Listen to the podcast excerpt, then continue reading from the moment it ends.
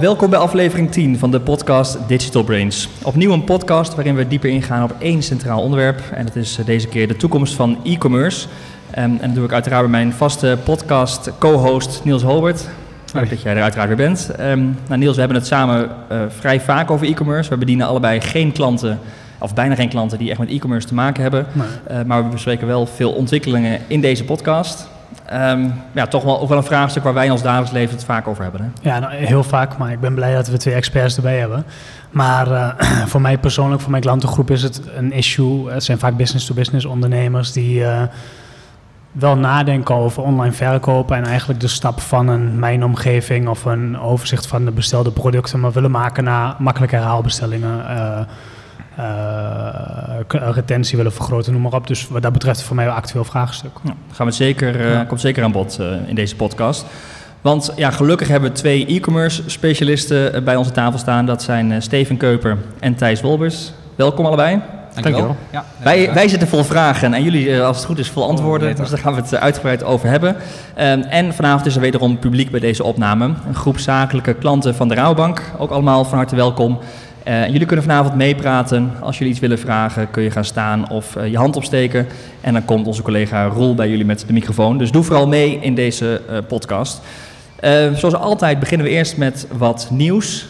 wat ons opviel afgelopen maand. En een van de berichten die volgens mij via jou binnenkwam, Steven, was dat, het is heel technisch, maar cryptocurrency worden gemined via websites. In plaats van advertenties, hoe zit dat precies? Ja, een uh, aantal websites zijn nu aan het testen om in plaats van advertenties te tonen op websites, om uh, de rekenkracht van de computer die jij gebruikt als bezoeker te gebruiken om uh, bitcoins of andere cryptovaluta te minen. En op zich heel technisch verhaal is in de vraag is of dit heel groot zal worden, maar het brengt wel een leuke discussie teweeg dat het oude verdienmodel van content websites, namelijk advertenties tonen rondom je artikelen, uh, dat dat misschien uh, op de helling komt, omdat uh, nou, mensen raken steeds meer blind voor het zien van banners online. En dat er dan waarschijnlijk gezocht wordt naar andere verdienmodellen om, nou ja, voor nieuws, nieuwswebsites, et cetera, om toch iets te verdienen aan de content die ze hebben. Dus, ja, want als je mindt, verdien je mee aan de bitcoins. En dat ja, is het voordeel ja, van deze bitcoins worden gemined en gaat een deel van de opbrengst naar de eigenaar van de website en een deel naar degene die de rekenkracht ter beschikking stelt, dus de bezoeker. Ja. Mooi, interessant om te kijken welke kant het op gaat en vooral ja. wat dat betekent voor digital advertising natuurlijk. Ja, inderdaad, dat ja. zal waarschijnlijk wel... Uh. Uh, ander nieuws dat ja, bijna ieder jaar te voorspellen is. Uh, weer recordomzet rondom uh, Sinterklaas. Sinterklaas heeft in 2017 358 miljoen euro online uitgegeven. Uh, internetretailers zien de weekomzet met maar liefst 31% toenemen door Sinterklaas. Ja, Niels, verbaas je dat? Nou, nee, totaal niet. Ook die, die, die, die stijgingen en die nee, omzet? maar dat is gemak. En elk jaar is het weer een nieuw record, net als Black Friday. Dat is, uh, nee, dat is, geen, dat is niet nieuw. Dat is logisch, denk ik. Ja. Uh, uh, Thijs, hoe kijk jij daarna? Um, ja, ook totaal niet verrassend. Um, we zien het ook eigenlijk bij alle klanten van ons terugkomen dat, het, uh, ja, dat de omzet ook met minimaal dat soort percentages op online gebied uh, stijgt. Um, ja, ik denk dat dat nog wel eventjes aan zal houden. Hm. Dan nog een andere grote speler die echt record. Ja, heb je ook trouwens cijfers voor hoeveel er bij offline is weggehaald dan? Ik weet, niet, uh, weet ik zo niet. Ik geloof, ik geloof, niet dat het helemaal goed te traceren is. In ieder geval gaat het online uh, heel hard. Maar jij bedoelt, het zal gevolg hebben voor offline. Ik denk dat dit gewoon een verschuiving is, zoals elk jaar. Ja. We verkopen niet meer, maar het is vooral. Uh, ja. Er wordt wel gezegd, als we de reguliere omzet van de, en de extra bestedingen aan Sinterklaasproducten bij elkaar optellen, komen we in vijf weken voorafgaand aan het Sinterklaasfeest aan een totale online omzet van 1,5 miljard. En dat is een groei van 19% ten opzichte van vorig jaar. Dus we geven dus ook meer uit in totaal. Ja. Een andere uh, nieuw record, dat werd gehaald door Alibaba met Singles Day. En die hebben een recordomzet gedraaid van maar liefst 215 miljard. Steven, jij weet die? Ja, ik weet er iets van inderdaad. Ik heb een nieuwsbericht gelezen, maar 250 miljard inderdaad voor mij op één dag ja. in Singles Day. Dus dat is echt een bizarre hoeveelheid omzet natuurlijk op één dag. En ik weet niet, het aantal orders voor mij, heb jij het aantal orders ook nog ergens staan, Jeroen? Ja, ik moet even, even zoeken, dus mijn aantekening. Maar ik kwam ergens tegen dat er op een gegeven moment, de, de, zeg maar de live uh, bestellingen werden op grote schermen bijgehouden. En op een gegeven moment werden er maar liefst 325.000 bestellingen per seconde geplaatst. Ja.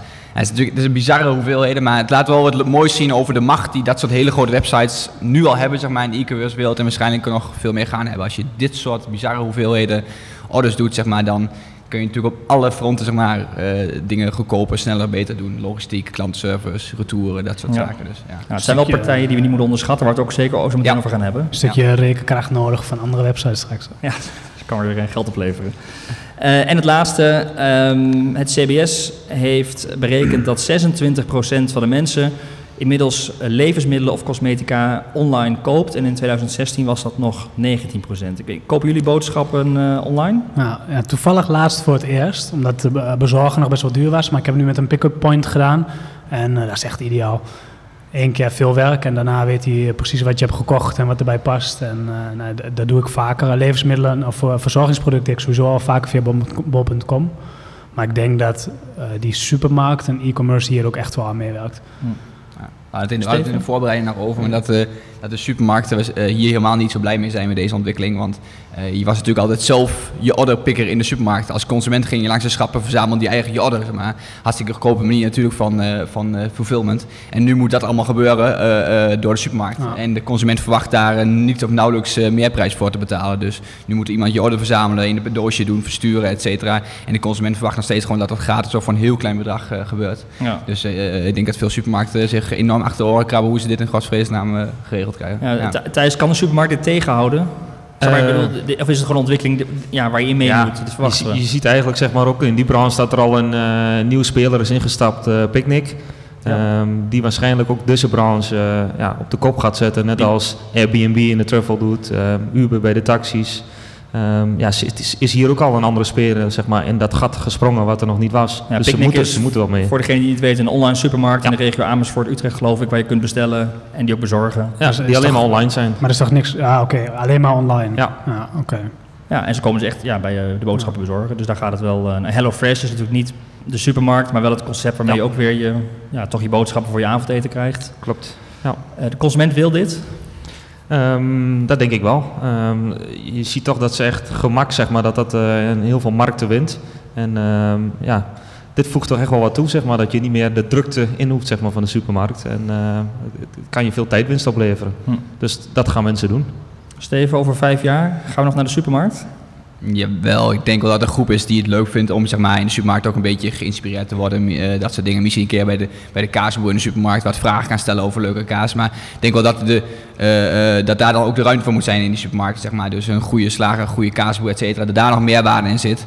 ik denk dat inderdaad voor je reguliere wekelijkse boodschappen... dat een heel groot deel van de consumenten dat over vijf jaar of tien jaar allemaal online... ja, ja persoonlijk, ik vind het de meest zinloze tijdsbesteding. En het kan gewoon sneller en efficiënter. Wat mij betreft over, over drie jaar al geen supermarkt. Er was laatst ook een onderzoek over je salaris en hoeveel procent van je salaris je uitgeeft en spaart. En dat mensen gemiddeld gelukkiger werden van bijvoorbeeld een huishoudster te nemen dan dat ze dat geld zouden sparen. Ja. Omdat je dat taken zijn die. Ja, ja dat geloof ik Dat dacht ik al. ja, maar boodschappen doen kun je daar in principe voor heel veel mensen denk ik ook onderschalen. Iets wat moet, maar niet per se uh, je favoriete tijdsbesteding is. Ja, nou, we gaan eh, zien hoe het zich ontwikkelt. In ieder geval gaan we het nu uitgebreid hebben over, over e-commerce. En um, nou, laat ik maar heel eventjes een beetje met mijn, mijn gevoel op tafel leggen gelijk. En dat is denk, dat ik denk, ja, e-commerce leuk. Wij zijn er ook heel druk mee binnen AdWise. Maar het wordt uiteindelijk heel moeilijk om als e-commerce partij te overleven. En sterker nog, heeft e-commerce überhaupt toekomst? Ik twijfel eraan. Nou, misschien dat jullie me uh, kunnen overtuigen in deze podcast. Maar ik twijfel eraan en ik ben heel benieuwd hoe jullie daar, uh, daar tegenaan kijken. Dus dat, misschien ja, gelijk maar om daar even mee te beginnen, Steven. Hoe zie jij dat? Gelukkig heel anders, anders dan was ik niet in dit vakgebied gestapt. maar nee, ik geloof zeker dat, dat e-commerce juist alleen maar belangrijker en belangrijker gaat worden. Maar um, dat, de, je, je eerste deel van je opmerking van, joh, uh, heb je als webshop nog wel bestaansrechten over vijf jaar of over tien jaar? Die vraag zal voor, voor heel veel online spelers steeds relevanter worden. Want de, inderdaad, de Amazons, Bol.coms, Alibaba's van deze wereld zullen gewoon in heel veel markten echt nog veel meer impact hebben dan ze nu al hebben. En als je als retailer bijvoorbeeld alleen maar concurreert op prijs, stel je hebt alleen maar producten die heel goed vergelijkbaar zijn, zijn in prijzen eens te onderscheidende vermogen, dan kan het wel eens heel lastig gaan worden in de, in de komende jaren. Um, dus ja, dat, dat, zal wel heel veel spelen voor heel veel uh, online retailers. Hm. Maar ik geloof niet in het uh, verdwijnen van e-commerce. Uh, nee. Gelukkig voor jou. Thijs? Nee, ik ook zeker niet. Um, het, het zal wel echt zo zijn dat het marktaandeel zeg maar, van, de, ja, van de marketplaces, zeg maar, de Amazons van deze wereld, naar verwachting echt nog wel flink gaat groeien. Um, maar goed, wij denken wel dat er ruimte blijft voor de, voor de echte specialisten. Ehm, plus dat je altijd nog de, de, de, de brands hebt, de merken die rechtstreeks de consument gaan benaderen. Ja. Ook naast zeg maar, de, de marketplaces. Ehm, en dan heb je waarschijnlijk nog de, de, ja, de cool blues van deze wereld. eh, die door een slagkracht en efficiëntie toch wel redelijk mee kunnen komen met, eh, met de prijzen en eh, levertijden. Ehm, dus er blijft wel ruimte naast, de ja, naast de Amazons. Hm. Maar goed, Amazon komt nu ook naar Nederland. Is dat een reële bedreiging voor bol.com en Coolblue?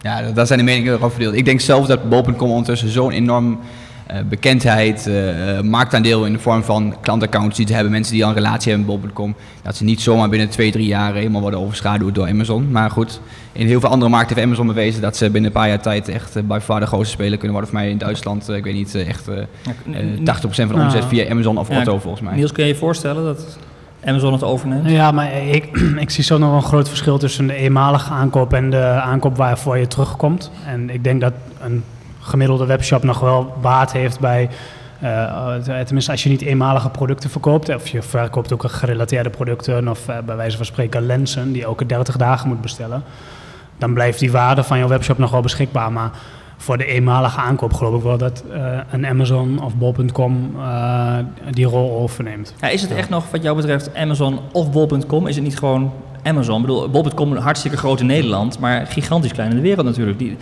kunnen toch niet tegen een Amazon? Ja, ik denk, ik denk zelfs al dat Amazon ehm, is volgens mij in Nederland op dit moment al de vijfde speler qua omzet op e-commerce gebied. Terwijl ze eigenlijk nog niet eens actief zijn Nee. in Nederland. Dus ik, ja, zodra ze die stap gaan zetten, denk ik dat het heel, heel snel kan gaan. Ja, en dat dan gaat het bol.com het best wel lastig kan Maar om, krijgen. principe, om, om principe zoals de goedkoopste prijs of de snelste levertijd. Ja. Maar ergens zit daar toch ook een limiet. Sneller dan binnen een uur kan toch niemand bezorgen? Nee, maar ik denk dat qua prijs, eh, qua efficiëntie is denk ik Amazon vele malen verder dan een bol.com. Ehm, dus da- daar kunnen ze sowieso nog een eh, slag winnen ten opzichte van, eh, van ze. En, en heb je dan als lokale ondernemer nu, of lokale webshop nu, heb je dan profijt van om snel aan te sluiten bij een Amazon om daar je producten te gaan verkopen? Ehm, ja, op korte termijn zeker. Daar, kun je, dat, daar valt heel veel omzet weg te halen. Alleen het is wel de vraag of dat op lange termijn past bij jouw eh, businessstrategie. Ehm, en ja, wie weet gaat Amazon jouw product ook wel inkopen. Nou, er zijn twee dingen. Amazon kan zien wat goed loopt en zelf gaan kopen eh, en, verkopen daardoor.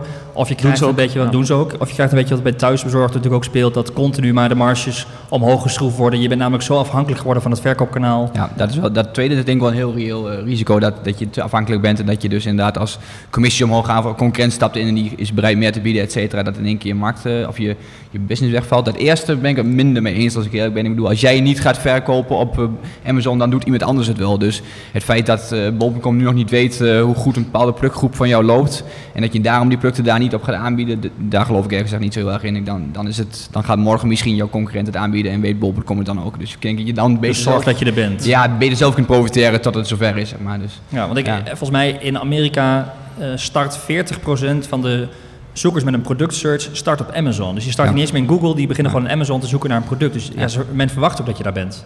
Ja, 100% in Duitsland is voor mij ook al eh, heel erg naar die kant op aan het gaan. Zeg maar, dat er echt de Amazon, Otto zijn de grote platformen waar bijna alles eh, start. Zeg maar. Dus als je niet aanwezig bent, kan wel een bewuste keuze zijn. Maar dan moet je ook bewust zijn van het feit dat je gewoon een heel groot deel van de potentiële doelgroep Ja, maar überhaupt goed, niet bereikt. Hebben we het nu over Amazon, maar betekent het ook al dat je nu bij bol.com eh, je producten moet aanbieden dan? Want dat is in principe de Nederlandse Amazon nu nog even.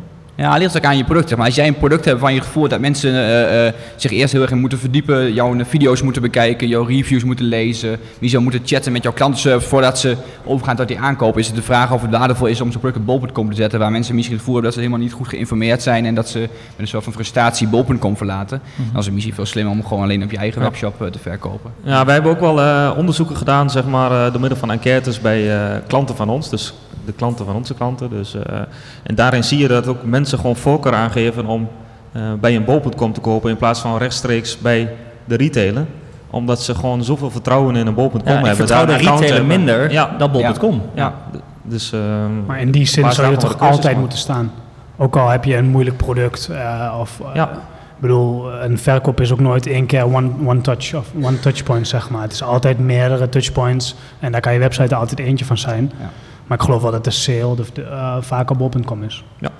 Ja, als je eh, eigen, eigen producten hebt, dus eigen merken die niet ergens anders worden verkocht, ehm, dan ja, dan zal zo'n partij dat ook niet snel kunnen overnemen natuurlijk. Ehm, dus dan is het zeker slim om dat te doen. Ja, ja. Nou, de- er is ook een andere ontwikkeling die misschien hier een beetje op aansluit. Dat is bijvoorbeeld dat Nike nu een pilot draait, waarmee ze zeggen we gaan eigenlijk nog maar verder met een paar uh, preferred suppliers, dealers eigenlijk, een paar dealers, maar lang niet meer elke schoenenwinkel uh, in de wereld.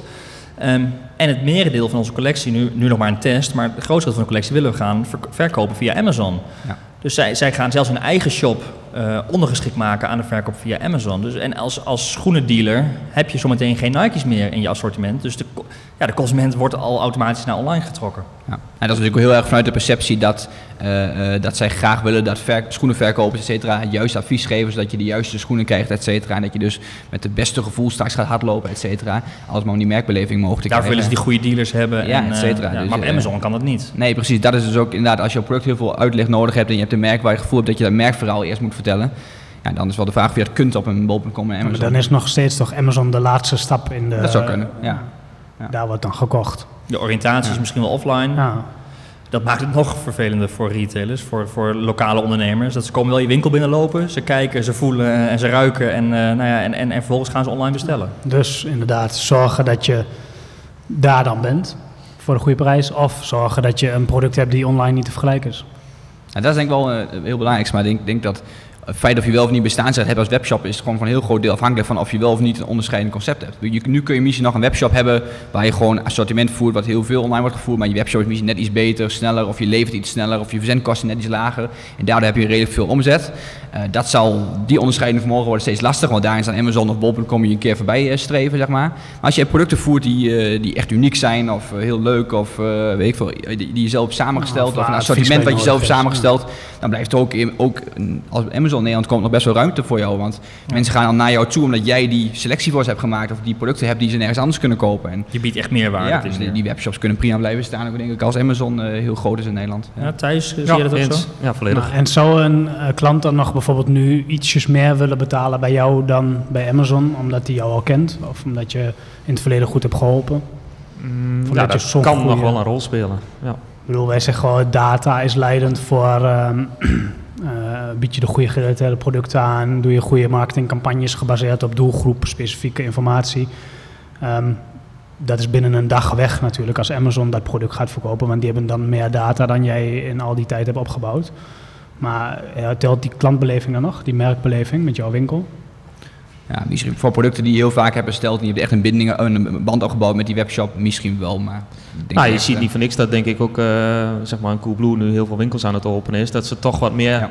het contact zeg maar, met, de, ja. met de klant kunnen opzoeken en wat meer die binding kunnen creëren. Uh, ja. Dus dat zal zeker meespelen. En je ziet ook dat dan de omzet groeit in die regio's. Ja. ja, we gaan het zo hebben over die rol van die fysieke winkels. Ik ben nog even benieuwd. Uh, jij noemde net al Bob.com, de, de, de snelheid van levering, de gratis verzendkost, het achteraf betalen. Hoe doen ze dat? En daar kun je toch als lokale ondernemer toch nooit in meegaan? Nee, daar kun je niet in meegaan. Je kunt voor mij twee dingen doen. Of een profiteren. Net, dat we net zeiden, dat je zegt van ik voer mijn assortiment ook op dat soort platformen. En daarmee profiteer ik dus van het feit dat die platformen zo'n groot bereik hebben, al die zaken zo goed voor elkaar hebben. Uh, of, of ik ga daar niet voor kiezen, maar ik, ik, kies voor assortiment of voor een product, et cetera, wat nergens anders te kopen is. Of voor een concept wat nergens anders te vinden is. Dan kun je meegaan. Maar voor mij, nee, het is als, web, als gemiddelde webshop niet te winnen op dingen als, als nee. zendkosten of levertijd. Of wat ik ben een bij Bol.com geweest. Daar hoorde ik dat ze 1 euro per pakketje betalen aan verzendkosten. Ja, precies. Maar het zit in alles. we hebben zelfs een aantal klanten die zeg maar uh, buiten Nederland uh, een webshop hebben, bijvoorbeeld in de UK. En dan is het soms gewoon interessanter om je fulfillment van je orders in je eigen webshop via de Amazon te doen, omdat die het goedkoper kunnen doen dan dat je zelf die orders gaat besturen. Amazon ja. doet zulke grote volumes dat je de orders die op je webshop binnenkomen beter via het kanaal van Amazon kunt laten besturen. Dus in hun, in hun warehouse, met de, de, de bezorging die zij hebben, met de retourafhandeling die zij hebben, is goedkoper dan dat je het allemaal zelf kunt doen. Ja, en dan bestaat natuurlijk ook nog de winstmarge die Amazon Is dat dan niet de toekomst van uh, webshops? Dat je, geen, uh, dat je hoort dat je fysieke winkel nog hebt. En verder alles uitbesteed. Hè? Dat zou voor sommige webshops prima kunnen. Aan de andere kant zit er in bezorging bijvoorbeeld ook zo'n weer een USP. Als jij, uh, weet ik veel, Bloeman bijvoorbeeld, komt bij bloemen thuis bezorgen. Dat doen ze op zo'n manier dat je zelf je tijdslot kunt kiezen. De, de, uur van tevoren nog kunt verplaatsen als je toch niet thuis bent. Uh, die man zet hem, in een, zet hem in een potje water als ik niet thuis ben, zeg maar een bosje bloemen. Dat gaat personeel niet doen natuurlijk. Of, nee. uh, dus, Dan blijf je nog steeds daar bestellen. Ja, maar dan betaal je zeg maar, voor, voor de extra service die je krijgt, het gemak. Ja. Of, ze voegen wel iets toe. Ja. Dus echt maar de, de standaard, ja, die ga je niet winnen van. Uh, nee, weet je, ik, ga, ik, ik partijen. betrap mij erop, ik ga voor gratis verzendkosten naar bol.com en alles. Hè, die snelle service. Ik betaal volgens 2 euro voor een stom cadeaupapiertje eromheen. Ja. En wat ze dan ook voor me doen. Is natuurlijk, Maar dat doe je wel. ja, en een rol kost 90 cent. Dat is natuurlijk gekke werk eigenlijk. Maar je doet het toch en daar verdienen Ja, ze je hoeft hem niet zelf in te pakken. Nee, dat klopt. Maar ja, het is niet echt heel economisch. Ehm, ik ben nog wel eventjes benieuwd zeg maar, waar, waar, waar jullie denken dat het naartoe gaat. Waar staan we over vijf jaar Maar, ongeveer? en, en wat moet je nou doen als jij wel die webshop hebt nu?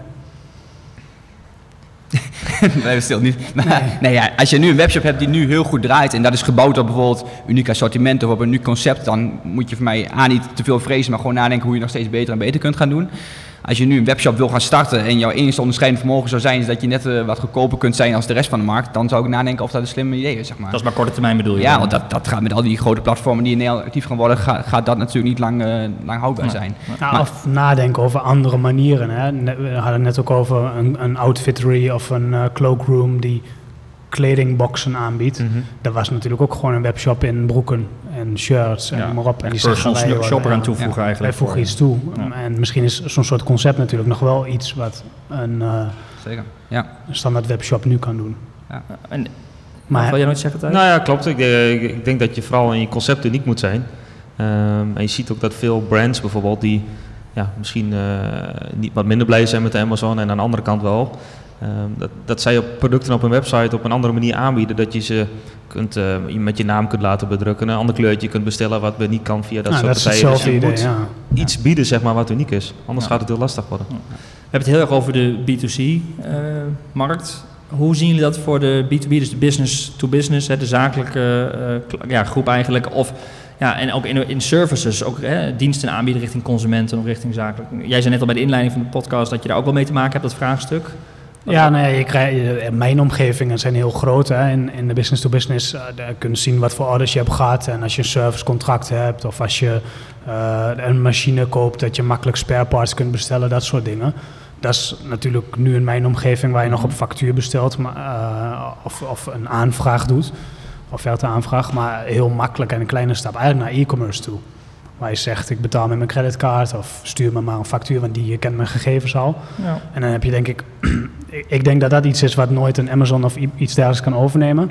Nee. Eh, en daar kun je als bedrijf ook echt gebruik maken van de data die je hebt. Ja, maar dus dat is wat- wat voor mijn gevoel als je ook naar, naar het trainingslandschap kijkt. Hè, als je een training wil volgen of naar een, een, een seminar wil gaan of weet ik veel wat. In heel veel gevallen is het, net als bij bol.com, gewoon achteraf betalen. Je meldt je aan, hè, je kiest welke training je Ja. wil gaan volgen, je, Ja, je dus meldt je aan eigenlijk en het achteraf betalen. Het is e-commerce. Alleen Ja. de mindset is heel anders bij, bij dat soort bedrijven. Eh, Maar eigenlijk doen ze al e-commerce en niet heel veel anders dan bol.com. Ja, nou ja, behalve dat nu als je een e-commerce eh, speler bent, veel meer mogelijkheden zijn om te adverteren dan als je dat niet bent. Mhm. Dus als je online kunt afrekenen. Dus nu heeft het voor een business-to-business club, voor bijvoorbeeld een trainings eh, aanbieden, echt nog een voordeel om te zeggen, je, je kunt bij mij ook afrekenen online, ondanks dat misschien niemand dat doet. Kun je in één keer wel een product feed maken en kun je in één keer wel met Mhm. Google Shopping adverteren bijvoorbeeld. Je bedoelt, je, je kunt eh, e-commerce technieken ja. eh, toepassen ook in de B2B Ja. of in de service. en eh, prima dat dan iedereen aan het einde achteraf betaalt. Ja, maar je Maar dat kunt kan wel eigenlijk alleen bij de, zeg maar, de standaard diensten die je hebt. Dus als je praat over maatwerk, Ja. ehm, zal er De altijd vaste iemand- prijzen, ja. Ja. Dus eh, een training X volgen. Ja, maar dat is toch vaak genoeg zo? Als je vaak genoeg niet, bent. denk ik, in eh, zakelijke dienstverlening, zeg maar. Als je kijkt Nee, naar, maar- naar onszelf bijvoorbeeld, ik denk nooit dat wij onze eigen diensten in ja, de webshop zullen gaan Daar aanbieden. kun je natuurlijk wel je eh, business ook op sturen misschien. Wij kunnen best wel voor dingen een vaste prijs rekenen. Ja. Voor onze trainingen toch ook. Ja, dus Ja, een het, deel wel. blijft En, altijd een stuk maar- maatwerken, maar maar niet stel, je online kan. bent, Maar je- stel je bent een makelaar en je doet aankoopbegeleiding en verkoopbegeleiding. Vaak zijn dat vaste prijzen. Waarom niet? online afrekenen of achteraf betalen. Ja, maar, maar online helemaal regelen. En e-commerce tussen Ja. aanhalingstekens inzetten. Ja. En de kapper? ja, kan ook. Online afspraak maken, vooraf ik denk dat dat er wel gebeurt. Ja. echt, Diensten, ja. Dus, maar, maar, maar en ik hoorde jou net zeggen, dat kan Amazon niet nadoen. Nee, maar je zoekt, je zoekt gemak, denk ik, als consument. Of je nou zakelijk of, persoon, of consument bent. Wat is nou meer gemak dan inderdaad naar een kapper gaan en achteraf een betaallinkje in je mail hebben die je via een app betaalt. In plaats van nog dat fysieke afrekenen. ja. Is niet nodig. Nou, dat geldt toch net zo voor bijvoorbeeld een makelaar. Die, als het goed is, jou kent Mhm. en jou eh, gegevens van je heeft. Waarom zou je dan nog... ja, maar eigenlijk Een jou een beetje, je zegt, dat is misschien nog wel de toekomst van e-commerce. Juist dat hele zakelijke B2B eh, verder digitaliseren. Want dat is niet te kopiëren en dat is misschien wel hetgeen waar wat van e-commerce overeind blijft als Nou, meteen Amazon en, op het en dat komt. komt voor een heel groot deel omdat zakelijke klanten of al iets trouwer zijn aan hun afnemers. Of eh, het is soms in een systeem wat moeilijker om een nieuwe afnemer toe te voegen. Afhankelijk Nou van ja, afnemers, ja. Dan, eh, dus ja, misschien verandert het ook nog wel, maar daar zie ik wel kansen, ja. Nou, je ziet nu ook al dat eigenlijk door het internet dat consumenten rechtstreeks met elkaar bijvoorbeeld huizen gaan eh, aan en verkopen. Dat een Ja. huis op social media wordt aangeboden en dat ze met elkaar zeg maar, de transactie afronden. Dus Ja. dat is ook wel het gevolg van als er niemand daar instapt, gaan mensen het zelf wel doen. Ja, dan moet dus, dus je zegt profiteren en anders word je uitgeschakeld. Ja, eh, hè? dat denk Dus- ik wel. Dus pak het zelf op, ja. Ja. We hebben al even heel veel behandeld. Ik ben benieuwd naar de zaal of er nu vragen zijn eh, waar jullie of al ergens mee zitten. Nog niet? Nou, anders, Wie, wie denkt na over dit issue? Wie heeft een webshop en, eh, en, eh, en, en kijkt naar de toekomst en denkt, ja, wat als Amazon komt? Niemand is bang voor Amazon. Veel zakelijk ook, hè, B2B. Oké, nou dat is goed om te weten in ieder geval. Ehm, Wie heeft al een webshop dan, als business to business? webshop. Business to consumer, ja. Oké. Maar we gaan het ook nog even hebben over de rol van de winkel en uiteindelijk ook de... Nou, daar wil ik eigenlijk mee beginnen. Weet je, waar, waar gaat het naartoe? Hè? We hebben, er wordt gezegd, data eh, is... eh, nou ja, de- met, met- jij zei het ook volgens mij, dan heb je in ieder geval de data en dan heb je heel erg veel. Ehm, de andere kant is natuurlijk dat alles op een gegeven moment te berekenen valt. En daarmee ben je ook ieder onderscheidend vermogen kwijt. Als we weten wat een sale mag kosten voor een tuinbank van merk A of een boek eh, met een bepaalde titel. eh, en je gaat daar al je campagnes op sturen. We zien het bij Google, die gaan steeds met machine learning en artificial intelligence altijd optimaliseren. Er, er zit, ja, nou, ik las ergens een, een, een, een blog dat het is een beetje als botox. Het wordt allemaal strak getrokken eigenlijk, eh, wat er in de markt gebeurt. Eh, je, je kunt niet meer onderscheiden. Niels? Maar wat, maar wat je niet, nog niet eh, voldoende of nog niet 100% kunt automatiseren, is je advertentietekst bijvoorbeeld. De boodschap die daar je moet je vertelt. creativiteit Ja, en... en die creativiteit creativiteit is toch eh, iets wat blijft en wat lastig te automatiseren is. Ik bedoel, een echt leuk concept bedenken, een echt leuke campagne bedenken rondom Black Friday is niet iets wat je van mij in ieder geval nu niet moet overlaten aan een, aan een machine. Maar gewoon Nee, maar en heel simpel, als, als iedereen zegt eh, wij zijn de goedkoopste, dan ga jij zeggen wij hebben de snelste, de kortste levertijd. En Mhm. andersom, dat is al iets heel simpels waar je nu nog geen kunt onderscheiden. Als je gewoon heel plat even googelt op het product dat je aanbiedt en iedereen roept A, dan ga dan B roepen. Oké, maar als iedereen het ROPO-effect, om even een term erin te gooien, kent, dus... eh, Research, online, eh, purchase, offline. Offline, ja, dus je online dus onderzoeken en offline kopen uiteindelijk in de winkel. Ehm, en iedereen kan het voor nou ja, een bepaalde eh, categorie uitsluiten of uitrekenen. Dan denk jij, Steven, dat je nog steeds wel kunt onderscheiden als, eh, als merk. Ja, tuurlijk, tuurlijk. Ik bedoel, eh, eigenlijk zal iedereen dat een keer inzichtelijk hebben gaan. Dan komen er weer andere dingen waar je op kunt onderscheiden. Maar ik denk dat de onderscheidend vermogen veel meer zit inderdaad in dingen als creativiteit. Hoe zet ik me neer? Wat is mijn concept, et cetera. En, maar bijvoorbeeld ook, hoe ga ik met data om om mijn klantbeleving persoonlijker te maken? Ik bedoel, data kan heel veel doen om dingen te automatiseren. Maar ook om dingen heel veel persoonlijker te maken juist. Als jij als fysieke vestiging weet wie er bij jou de winkel instapt. Je weet zijn aankoopgeschiedenis. Je weet eh, wat hij misschien eh, leuk vindt, et cetera. Dan kun je voor mij een veel beter salesgesprek voeren als dat je dat nu kunt, zeg maar. En hetzelfde geldt natuurlijk ook online. Als je meer weet over je websitebezoeker en je kunt daarop inspelen op het moment dat er een chat gestart wordt. Dan kun je voor mij een veel beter salesgesprek voeren online als dat je dat eh, nu kunt. Dus het fijne Eh, wat we weten van online, je kunt je dingen terugvinden. Mensen, je- eigenlijk als, je, als ik inlog, kennen ze mij, weten ze wat ik interessant vind. Dat wil je ook nou, moet eigenlijk ook naar offline getrokken Ja, worden. ja, dat kan denk ik nu steeds meer naar offline getrokken worden. En volgens mij kunnen daar fysieke vestigingen ook heel veel baat bij hebben. Dat ze gewoon eh, steeds meer weten van de klanten en steeds beter Gewoon van de persoon die je nog niet kent van gezicht, die binnenkomt, die ken je Ja, dan bijvoorbeeld, maar ook misschien wel degene die, die al wel tien keer in de afgelopen drie jaar bij jou geweest is, maar je bent eigenlijk vergeten of hij nou eh, altijd sneakers kocht of net een schoenen. Dat kun je dan snel even checken. En je kunt er met hem naartoe lopen met de nieuwste paar sneakers die naar binnen zijn gekomen, wat dan ook. Voor mij kun je daar hele mooie dingen doen met data die, die we nu inzichtelijk kunnen maken van, van, van je klanten. Thijs, geloof je dat het die offline beleving net zo goed kan worden als de online beleving? Ehm, ik denk zelfs beter.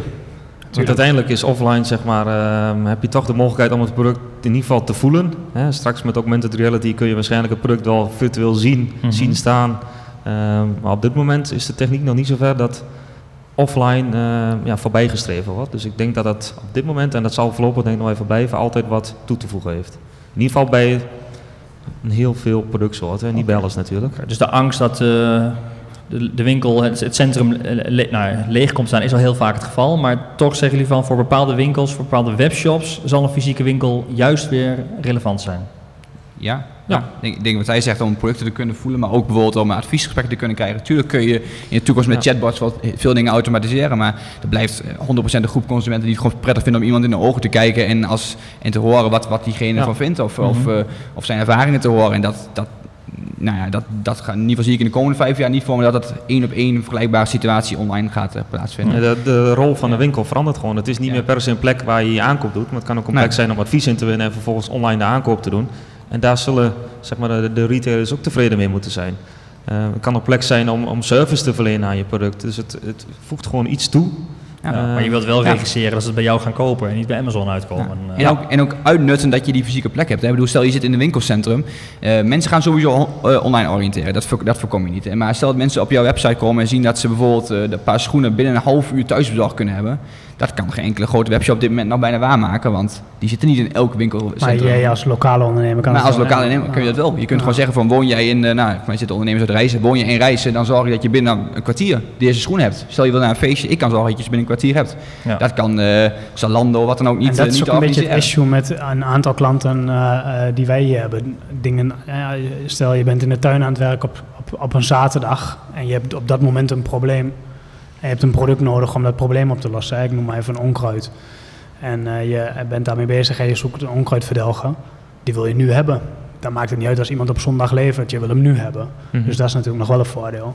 Precies. Waar je dan met een lokale ja. winkel of hele snelle service inderdaad op kunt inspelen. En dan ja, je ziet ook dat, uh, dat partijen als Google daar ook uh, op inspringen. Dat je nu tegenwoordig zie je heel mooi die Google Shopping advertenties als je op uh, onkruidverdelger zoekt. Maar je ziet tegen, daar kun je straks ook de voorraad zien van de vestiging die bij jou in de buurt zit. Ja. Dus dan kun je er direct naartoe.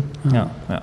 Eh, we hebben gezien dat Coolblue ook inmiddels fysieke winkels uh, openen. En daarvan zeggen ze zelfs, die groeien harder dan webshops. Begrijp je dat, Steven? Ja, dat is denk ik vooral omdat ze er gewoon steeds meer openen. Dat vind ik altijd een beetje een mooie marketing vooral. Maar goed, uh, ja, ik geloof wel dat, dat voor hun fysieke winkels wel echt een belangrijke rol hebben. Zeg maar. Inderdaad, het adviesverhaal. Ze verkopen ook heel veel hele dure producten waar je van mij nog steeds prettig vind om het product echt even te zien. En Hebben ze online ook altijd geprobeerd hè, met die adviesrol? Ja, ja, dat is sowieso altijd hun kern. En, uh, maar logistiek heeft voor mij ook een aantal dingen. Voor mij kun je daarmee zorgen dat je heel makkelijk retouren weer, weer makkelijker, retourneren weer makkelijker maakt. Maar misschien zelfs in termijn ook wel het verzenden, dat je dat vanaf die fysieke vestigingen doet, waardoor je bijvoorbeeld ook Coolblue heel snel kan bezorgen in bepaalde regio's. Maar ze willen er echt nog veel meer gaan uitrollen. Ze gaan wel door in die ontwikkeling. Dus we gaan Coolblue zo meteen in de winkelstraat zien. Is het niet ook gewoon schaalvoordeel? Dat zij nu online al zoveel massa draaien dat ze offline ook betere prijzen kunnen geven? Of namens bekendheid ja, hebben waar ze van willen profiteren? Ja. ja. en dat ze online groeien in die regio's. volgens mij las ik ook ergens dat ze de winkels, ja, dat ze de, volgens mij de huur ervan kunnen betalen. Um, maar dat ze er niet heel veel aan verdienen. Uh, maar dat ze wel heel hard groeien online in die regio's. En dat zien wij ook, zichtbaarheid. Ja, dat zien wij ook terug zeg maar, bij uh, klanten van ons die nou, fysiek aanwezig zijn. In bepaalde regio's ligt de omzet vaak gewoon uh, hoger dan in regio's waar dat niet zo is. Ja, dus die zichtbaarheid is wel belangrijk ja. uh, om nog gewoon zichtbaarheid, het gevoel dat mensen een winkel in de buurt hebben waar ze naartoe kunnen als er iets is met het product. Ja. Um, ik wil nog eventjes hebben over de mediamarkt. Daar zijn wat ontwikkelingen. Ik hoorde ter voorbereiding van deze podcast dat Mediamarkt ook overweegt om een marketplace te worden, zoals we dat dan noemen. Hè? Dat zijn de bol.coms en de Amazons. Ja. Uh, uh, Thijs, daar weet jij meer van. Dat betekent eigenlijk dat andere partijen kunnen gaan verkopen via Mediamarkt? Ja, dat klopt. Dus uh, ze gaan het platform openstellen om voor andere aanbieders. Eigenlijk een beetje de stap die bol.com een tijdje terug heeft gemaakt. Dat je als retailer zeg maar, je producten daar kunt aanbieden. Ehm, Blokker heeft dat recent gedaan. Ehm, en nu maakt ook Mediamarkt die stap. Dus je ziet steeds meer partijen die echt transformeren van van een ja, retailer naar een, uh, naar een marketplace. Hm. En, en wat MediaMarkt heel goed doet, was ook uh, een paar weken geleden in het nieuws, dat is die dynamic pricing. Hè? De, we denken dat een prijs in de winkel de vaste prijs is, maar blijkbaar uh, verandert de prijs uh, in onder andere Mediamarkt. een tv is in de ochtend duurder dan, dan, dan in de middag of in de avond. Ja, er zijn, Steven? Tegenwoordig hele mooie technologische eh, oplossingen om zeg maar, inderdaad je prijs te berekenen op allerlei uh, factoren. Dat kan zijn voorraad, dat kan zijn inderdaad het moment van de dag, maar misschien ook prijs van de concurrentie. Locatie. Locatie. En al dat soort factoren. En uh, online werd dat al een heel tijdje gebruikt om je prijs zeg maar, dynamisch aan te passen. Dus als jij naar de webshop ging of iemand anders, of je deed het op een ander moment van de dag, of wat dan ook, dan zag je continu andere prijzen. De reisbranche is Booking.com het beste voorbeeld. Ja, dat is een, een bekend voorbeeld, maar heel veel webshops maken er ondertussen gebruik van. Maar inderdaad, nu af en toe zie je sinds een tijdje dat het ook naar de fysieke wereld wordt gehaald Mediamarkt heeft een tijdje terug inderdaad al geïntroduceerd dat de prijskaartjes gewoon elk uur volgens mij uh, aangepast worden op basis van de, de, nieuwste berekeningen. En dat kan dus betekenen inderdaad dat als je s ochtends de winkel inloopt dat je een hele andere prijs hebt als uh, smiddags. Mm en, uh, maar dat is allemaal op basis van wat ze op dat moment verwachten dat de meeste omzet en de meeste marge gaat genereren. Want, ja, maar niet ja. controleerbaar. Ik bedoel, ik weet nog niet wanneer ik die twee beste kan kopen. Als consument wordt het een stuk lastiger om het juiste moment te vinden. dat is 100% waar. Ja. Ja. in China gaan ze nog een stap verder eigenlijk. Je ziet dat daar Alibaba ook al een winkel heeft geopend. En daar zijn geen prijskaartjes meer. Daar moet iedereen met een app werken en het product scannen om de prijs te zien. Dus dan kun je zelfs per persoon een andere prijs uh, geven. En dan krijg je de online elementen die we online al konden, namelijk weten wat iemands voorkeur zijn, uh, waar hij op gezocht heeft, et cetera, hoe vaak hij in het verleden wat gekocht heeft, kun je dan inderdaad ook in de prijsstelling offline gaan introduceren. Ja. Ja. we hebben echt te maken met. Kun je het ook omdraaien en dan uh, is dat niet een businessmodel om te ontdekken als consument een algoritme wanneer je nou het slimste kunt kopen. Wanneer je de beste prijs uh, krijgt. Dat is een mooi businessmodel voor AdWise. ja. Daarmee heb je het volgens mij een beetje over digital in-store. Dus de, wat kun je allemaal digitaal doen? Wat kun je met die fysieke winkel doen om toch ja, meer of beter te presteren? Ja, je ziet eigenlijk dat uh, door technologische ontwikkelingen dat, uh, dat, dat het heel snel is gegaan zeg maar, binnen het e-commerce. Dus webshops ontwikkelen zich razendsnel. Je ziet fantastische video's, fotografie, reviews van mensen, uh, vragen van mensen die worden gesteld, die worden beantwoord. En eigenlijk is dat heel vaak nog informatie en content die ontbreekt in de fysieke winkel. Mm -hmm. uh, ja, daar waar vaak niet aan wordt gedacht. En door middel van een stukje digitalisering in de winkel uh, is er nog een hele grote stap te maken. Dus kunnen we dat soort content naar winkels toe brengen met schermen, met wat ik net noemde, het scannen van, uh, van kaartjes om uh, wat extra informatie op te vragen. Dus er kan nog heel veel ja, waarde worden toegevoegd in de winkel op dit moment om uh, meer gebruik te maken van de content die online beschikbaar is. En ja, denk ook aan virtuele showrooms, um, om je showroom eigenlijk nog een stukje groter te maken, wat meer in het real life te kunnen kijken. Uh, er zijn gigantisch veel oplossingen voor.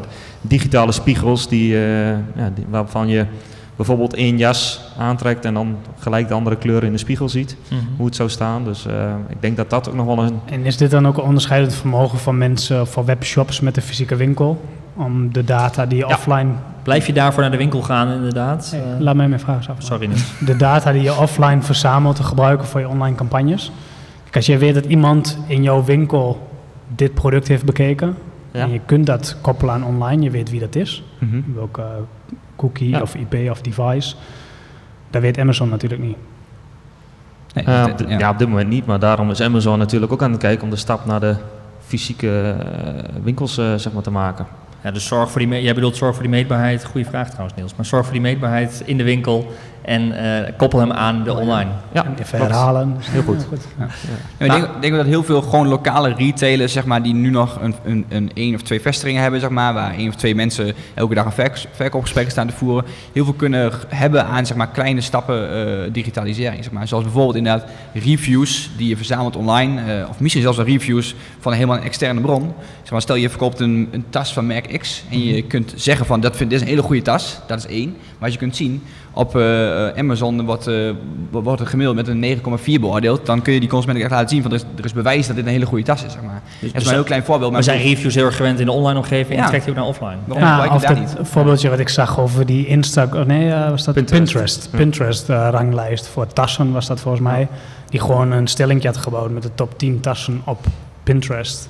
Ja. Gewoon in zijn winkel. En die, dat is dan live. Eén keer per dag wissel je er mee in. Ja heb je toch wel iets wat je, dat is nog niet echt digitaal natuurlijk, maar wel iets wat je van het digitale ja. naar het fysieke haalt. Ja. We, we naderen het eind van de podcast, zijn bijna door de tijd heen. Ik ben wel even benieuwd, ik ben een, nou, stel ik ben een lokale ondernemer, heb mijn eigen winkel. Uh, ga ik het overleven of moet ik over mijn pensioen nu al na gaan denken? Mag ik eerst? Niels? Nee, ik denk dat als, als je nu dat doet en je hebt al een webshop, dat het verzamelen van data en zorgen dat je de hele proces op orde hebt. Dus zorgen dat je weet hoeveel retouren, eigenlijk dat je onder de streep kunt uitrekenen hoeveel marketingkosten kan ik maken voor één productverkoop. Als je dat zo scherp mogelijk hebt nu, heb je nu nog een stapje voor op de meeste concurrenten. Ondernemers het moeilijk, die hebben, die hebben niet eens geld om dat allemaal daarin te investeren. Ga je het dan redden? Als je, als je geen geld hebt om hier, maar dit is toch gewoon werk, dit moet, dit kun je toch gewoon doen? Gewoon uitzoeken turven. Ja, nou, bij wijze van is dat stap 1. Maar de meeste uh, winkels of webshops hebben toch wel iets van een ERP-systeem waar je retouren bij houdt. Oh, desnoods is het je backend uh, CMS. Als je al iets doet om te kunnen uitrekenen hoeveel uh, marge je hebt op een productverkoop. Ja. Nou, dan kun je nu al inspelen op die stap van automatisering voor bijvoorbeeld kosten per sale adverteren. En heb je er dus nu al iets aan. Als jij weet dat 5,80 euro marketingkosten mag maken voor product X en je concurrent zegt oh, 6 euro ongeveer, heb jij een voorsprong nu nog. Ja, misschien heb je daar nu heb je daar over vijf jaar niks meer aan, maar nu heb je nog steeds een voorsprong. Steven, hoe kijk jij er tegenaan? Nou ja, ik denk zeker dat er ruimte blijft voor heel veel lokale ondernemers. Maar als op dit moment als lokaal ondernemer je enigste onderscheidend vermogen is je locatie. Dus het feit dat je in een drukke winkelstraat zit. Ja, dan kan het wel eens heel lastig worden over tien jaar. Afhankelijk van welk plek je zit. Ik bedoel, Enschede, uh, stad in de buurt, uh, wordt het voor mij steeds drukker. Dus daar kun je het voor mij echt nog een heel tijdje vol als retailer. Maar als je in Hengelo zit bijvoorbeeld, waar nu echt de ene en de andere winkel dicht gaat. Dan, als je enigste onderscheidend vermogen is die plek daar. Ja, dan zal het denk ik lastig worden in de komende vijf of tien jaar. Uh, als jij nu al een model hebt waarmee je klanten helpt, zeg maar, uh, omdat je uniek assortiment hebt, een uniek concept of een unieke service, wat dan ook, zeg maar, dan geloof ik niet dat, dat klanten daar zomaar voor thuis gaan blijven over tien jaar.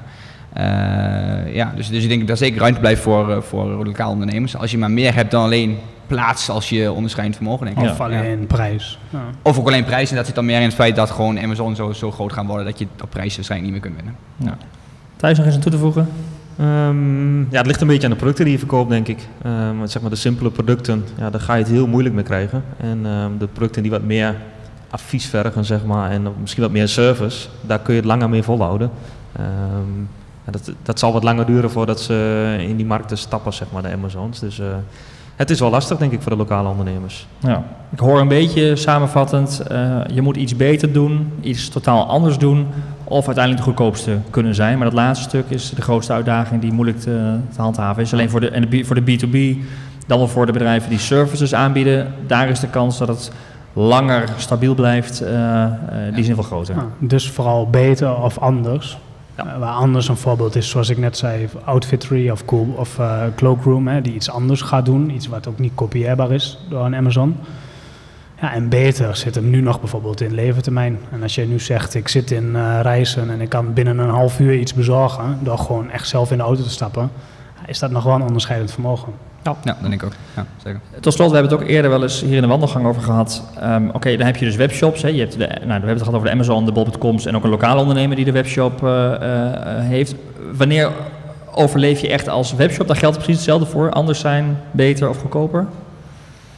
Ja, in, in, in de kern wel volgens mij. Ik bedoel, nu, nu zijn er nog heel veel webshops die bestaan omdat ze bijvoorbeeld in China producten inkopen. En, uh, en er is nog geen bol.com of Amazon die dat voert. En dan kun je prima een webshop draaien. Maar dat soort webshops krijgen denk ik lastig.